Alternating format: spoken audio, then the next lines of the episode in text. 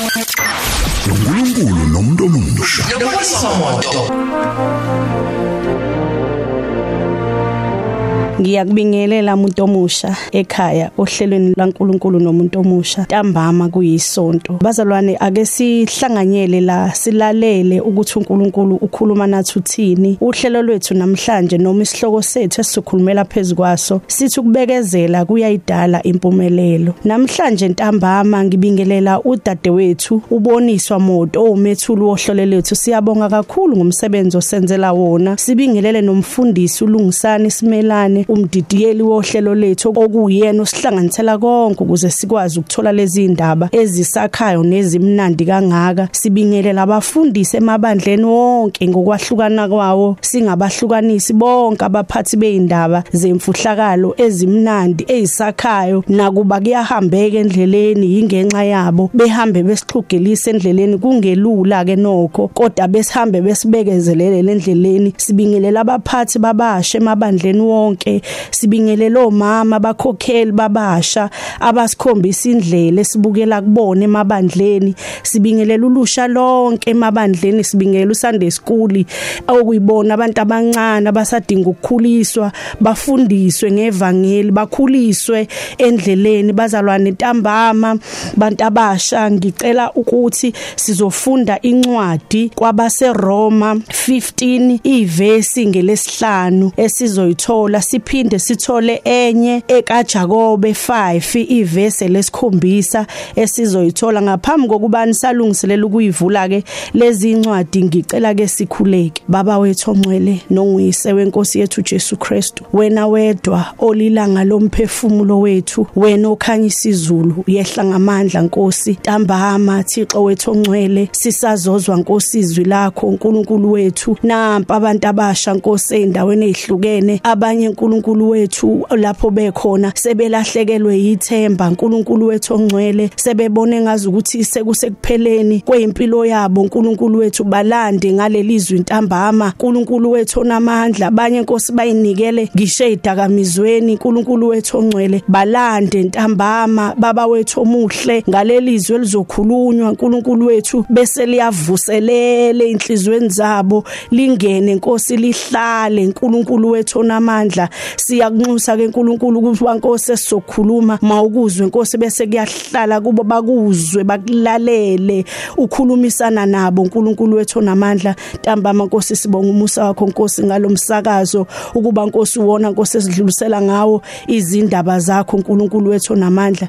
Imanathi ke Nkosi njalo manje kuze kube phakade. Amen. Sizoqala ke umuntu omusha ukulalela eka Jakobe 15 ivesi lesihlanu. Isihloko sakhona esithi abanamandla mabasize ababuthakathaka. Ivesi lethu lesihlanu lithi kepha uNkulunkulu wokubekezela nowenduduze makaniphe nibe nokuqonda kunye phakathi kwenu ngokuka Kristu uJesu. Uma uyilalela lencwadi ithi kepha uNkulunkulu wokubekezela nowenduduze makaniphe nibe nokuqonda. Okusho ukuthi imlaleli umuntu omusha dadewethu mfowethu lapha ekhaya uNkulunkulu ungowokubekezela. Lithi lelizwi uma ubekezele kuNkulunkulu uyayithola nenduduzo kuyiyona yona. Abakwazi ukukhuluma kahle bathi induduze phelele ikuNkulunkulu. Ayike dadewethu nawe mfowethu ayikho kwezinye indawo induduzo kodwa induduze kuyiyona yona esidingayo. Neyokubekezela okuyikona ongasipha amandla okuhlala ekubekezeleleni ubaba uNkulunkulu. Uma sihlala kuye siba nokuqonda kunye phakathi kwenu kuningi ke ukuqonda kwasezweni okukhona izinto esizenzayo siyitshela ukuthi siyaqonda.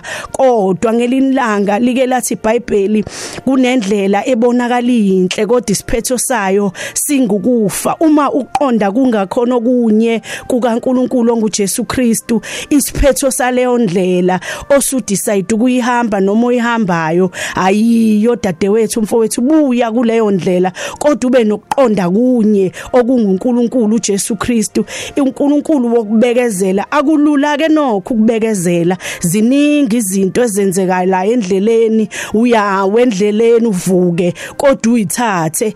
Uma sibuka itiyela livananga laba itiyela. Laqala ligravel kwaqala kuudaka kubishwa kwenzeka zonke izinto kodwa namhlanje sesihamba kubuthebelele kusetiyeleni. Kanjalo nasempilweni yakho kuzoke kube igravel kwehle kwenyuka uthi uyahamba uzwe kuhadlazela kodwa umuhlala uNkulunkulu ubekezele indlela yakhe izawuphumelela unokuqonda kunye ngoNkulunkulu. Ngicela siye kwincwadi yesibili ekaJakobe leyesibili esizoyifunda wesihlanu ivesi elika 7 ithi ngakho bekezelani bazalwane ize ifike inkosi. Bhekani umlimi uyalindela isithelo somhlaba esiyigugu ebekezelele sona. Size sithole imvula yokuqala neyamuva. Ngakho bekezelani bazalwane. Izifika inkosi kusho ukuthi umuntu omusha inde indlela ehanjwayo ayimfishane indlela ehanjwayo. Ihanjwa nakhona uma uyihamba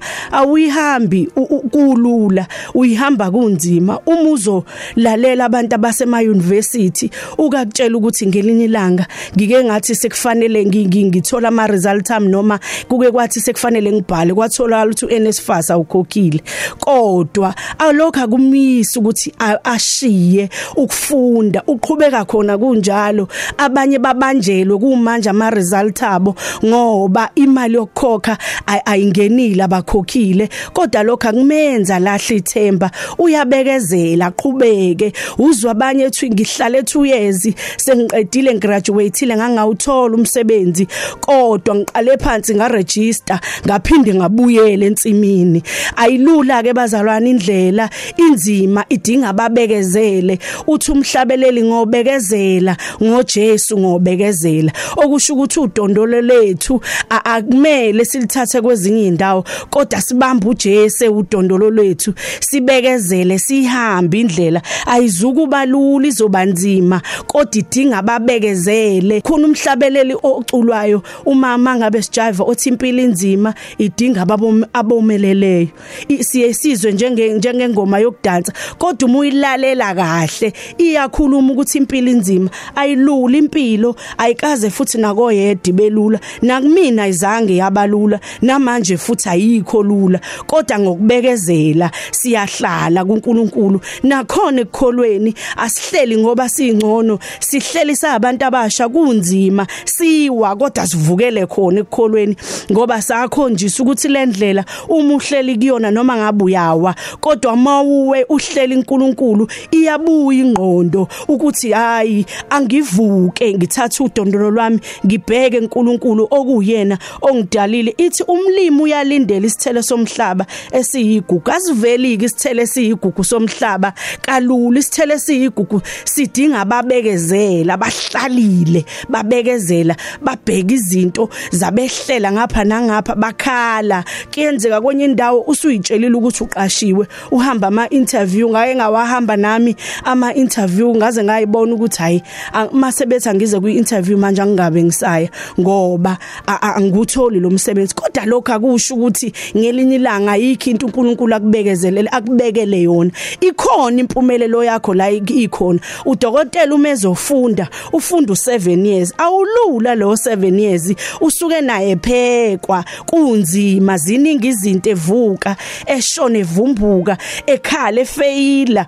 Kwenzeka konke kodwa ngelinye ilanga simbone sihamba ngeimoto ezinkulu esewudokotela. Akubanga lula akubanga akubanga kuhle akubanga mnandi kodwa uhlalile wawubekezelela lo 7 years wafunda waqinisela wabambelela. Wathi ngingoma ngiyayazi into engiyifunayo ngiyayazi into engiphophe engiphokophelele kuyona. Ngizohlala ngilinde ngibekezele.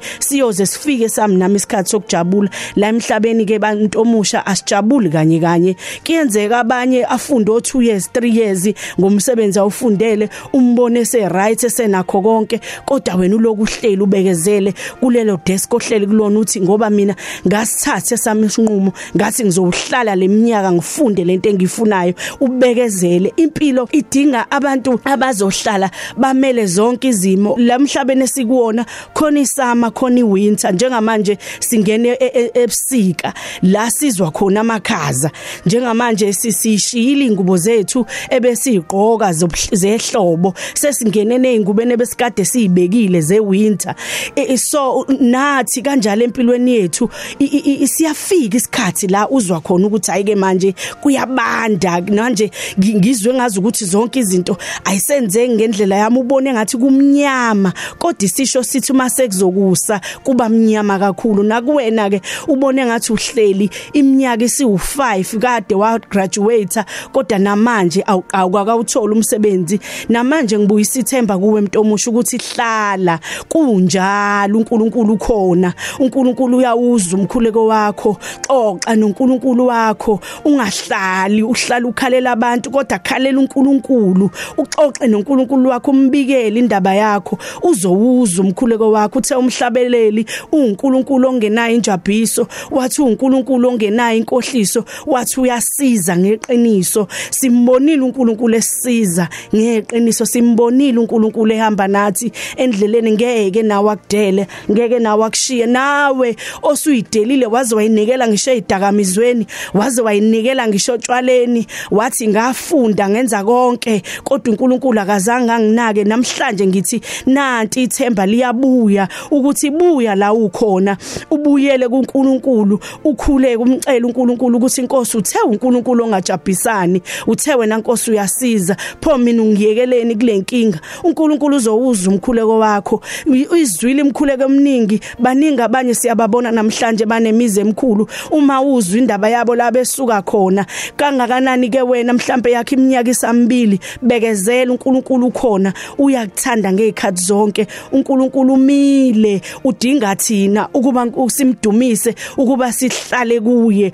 uNkulunkulu ngeke ashiye uthi ngelinye ilanga omunye umntwana uthi thina noma sisuka uNkulunkulu uNkulunkulu uyasondela kithi. Okuchaza ukuthi kunezikhathi la sike sihlehle uNkulunkulu sesingasathandazi sesikuphelelwe yikho konke. Kodwa uNkulunkulu aloke emile nathi ngoba ukuvuka nje ekseni kuchaza ukuthi uNkulunkulu umile nawe. Ukuvuka nje ekseni abanye bengavukanga abanye kwezinye indawo uyothi uyadlula udlule sebemboziwe wena uloku uphila lokhu kuphila nje kuchaza ukuthi uNkulunkulu umile nawe noma ngaba usaya enkonzweni kodwa kuchaza ukuthi uNkulunkulu ukunakile. Ngakho ke asibuyele enkulunkulu sihlale enkulunkulu ngithe ithe uNkulunkulu umlimi uyalindela isithelo somhlaba esiyigugu ebekezelele sona. Hayi ke bazalwane isithelo esiyigugu uyasibekezelela ukuze usithole. Njengoba lisho neBhayibheli lithi siyigugu uyasibekezelela. Akubi lula uyasibekezelela uhlale enkulunkulu ubheke uNkulunkulu kuthi noma ifika izimo uthi wena Nkosi uthe uNkulunkulu ongenayo ijampiso. Wena Nkosi uthe uyabathanda bonke abantu bakho. Wena Nkosi ngeke ungishiye. Wena Nkosi ngeke ungilahle. Uthi size sithola imvula yokuqala neyamuva. Iyafika imvula yokuqala. Uma ngabe nasempilweni yakhe ifili ifikile imvula yokuqala wabona ingawenza umehluko. Iyeze yakamuva la uzothokoza khona. So nawe kusayisikhathi la usazwe ngazi ukuthi izinto azenzeki kahle. Usasesikhathini nawe sobusika liyeza ihlobo la uzojabula khona. Akucini mangabe silela akucini ngobusuku kodwa nokukhanya kuyafika nemini iyafika nasempilweni akuhlaze kukumnyama kodwa ukukhanya kuyavela. Njalo abantu abasha ngiyanincenga namhlanje ngiyancenga umuntu omusha osudelile kuyenzeka uthothi usuyidelile usubone ngazi ukuthi awuyinto yalutho. Nasekhaya ubona bevuka bonke usala wedwa ubone nobujwayelene nabo sebehamba ngeemoto ezinkulu ususele wedwa ubone nobukhula nabo sebehamba ngeemoto ezinkulu abanye sebeshadile abanye benamakhaya abanye benakho konke okuthandwa ezweni. Kodwa wena ubone ngazi ukuthi okwakha kwenzeki. Kodwa namhlanje ngibuyisa ithemba dadewethu mfowethu ukuthi ena buya ubuyele enkulunkulu izinto zethu zinkulunkulu ezika Jehova izinto ziyalindwa. Ezika Jehova izinto ziyahlalelwa zihlalelwe kubekezeleni uhlala ulinda uNkulunkulu uzowuphendula umkhuleko wakho ngoba uNkulunkulu wethu uNkulunkulu ongashiyani uNkulunkulu ongamlahli umuntu uNkulunkulu ongalikhethi ibala lomuntu usho njalo umhlabeleli uthi akakhethi ibala lomuntu. uNkulunkulu ongenayi abantu abathanda kakhulu kunabanye uNkulunkulu osithanda sonke uNkulunkulu osinakekelayo uNkulunkulu ungashiyani nakanye. Kuyenzeka ezinye izinto zikwenze zikubonise ngazi ukuthi mina ngingedwa. Ubone nabasekhaya ngazi ukuthi sebekuhlamukile bekezela. uNkulunkulu ukhona uzokwenzela umusa liyeze lakhe ithuba. uNkulunkulu uzokuphakamisa nawe. uNkulunkulu uzohlala nawe. Ngiyakuthembisa sibabonile abantu abaningi. Abanye beze besho bethi ena namhlanje senginakho abanye baze bathi ngithwele. Kanti abazi la imuva lami la ngisuka khona. Kanti abazi izinto ezenzakalile. Ngiyakhumbula nami ngake nga register company ngelini langa ngathi ngithi sengise ngithola umsebenzi kuleyo company uma ngithi ngiyafika ngithola ukuthi i-bank account isiyavalwa. Ngenxa yokuthi i-company yami bingawuthola umsebenzi. Kodwa uNkulunkulu emuhle ngelinye ilanga ngawuthola umsebenzi ngasebenza ngaleyo company so ngichaza ukuthi umuhleli uNkulunkulu lokumcela ukuthi inkosi nakho ngikwenzile u1 no2 ngiwenzile uNkulunkulu ngiphe ubuhlakani bakho. Veza amandla akho phezulu kwempilo yami uNkulunkulu uzokwenzela. uNkulunkulu ngeke aza kulahle uNkulunkulu ngeke aza kushiye noma ngabe ezinye izinto uzibuka engazi ukuthi usele wedwa emndenini wakho wonke kuyenzeka manga besine sine sinezikhathi la sike sihlangane siyimndeni ubone ngazi ukuthi wena bayangena abanye bapaka izimoto ezinhle bayangena abanye bagqoke kahle bayangena abanye bayilokhu nalokhu kodwa wena ubone ngathi usele wedwa wena wedwa ongenazo izinto ezifanelekile. Hayi ngelini langa uzojabula nawe. Mhlambe yakhe imoto inkulu kakhulu kuneyabo. Mhlambe ezakhe izinto zinkulu kakhulu kunalezi abanazo. Ngokubekezela uhleli uNkulunkulu umcela uNkulunkulu uzokwenzela uNkulunkulu wethu umusa. Angeke azakushiye ngiyathembisa. uNkulunkulu wethu akashiyani. Kuningi ngisho ngiyathembisa abazalwane. uNkulunkulu wethu akalahlani. uNkulunkulu wethu unecebo ngathi wayengeke avuma ukuba sihlale ebelethweni zabazali bethu size sifike kulomhlaba engenalo icebo ngathi nalabo abangafundile kuningi abasangakwenza. Vuka uyithuntuthu uhambe uyobheka izinto ongazenza nongayifunda ongazenza. Umuntu omusha ungahlala ekhaya uphithize udayise uzame wenze lokho nalokho uNkulunkulu uzokusiza ngoba siphiwe sonke izinto ezifanayo kodwa uNkulunkulu uzokusiza endleleni ozoyihamba but ifuna nakhona ayilula ibe ubekezele ayikazi yonke into ozoyenza ukuze ibe nomvuzo omuhle. uNkulunkulu nomuntu omusha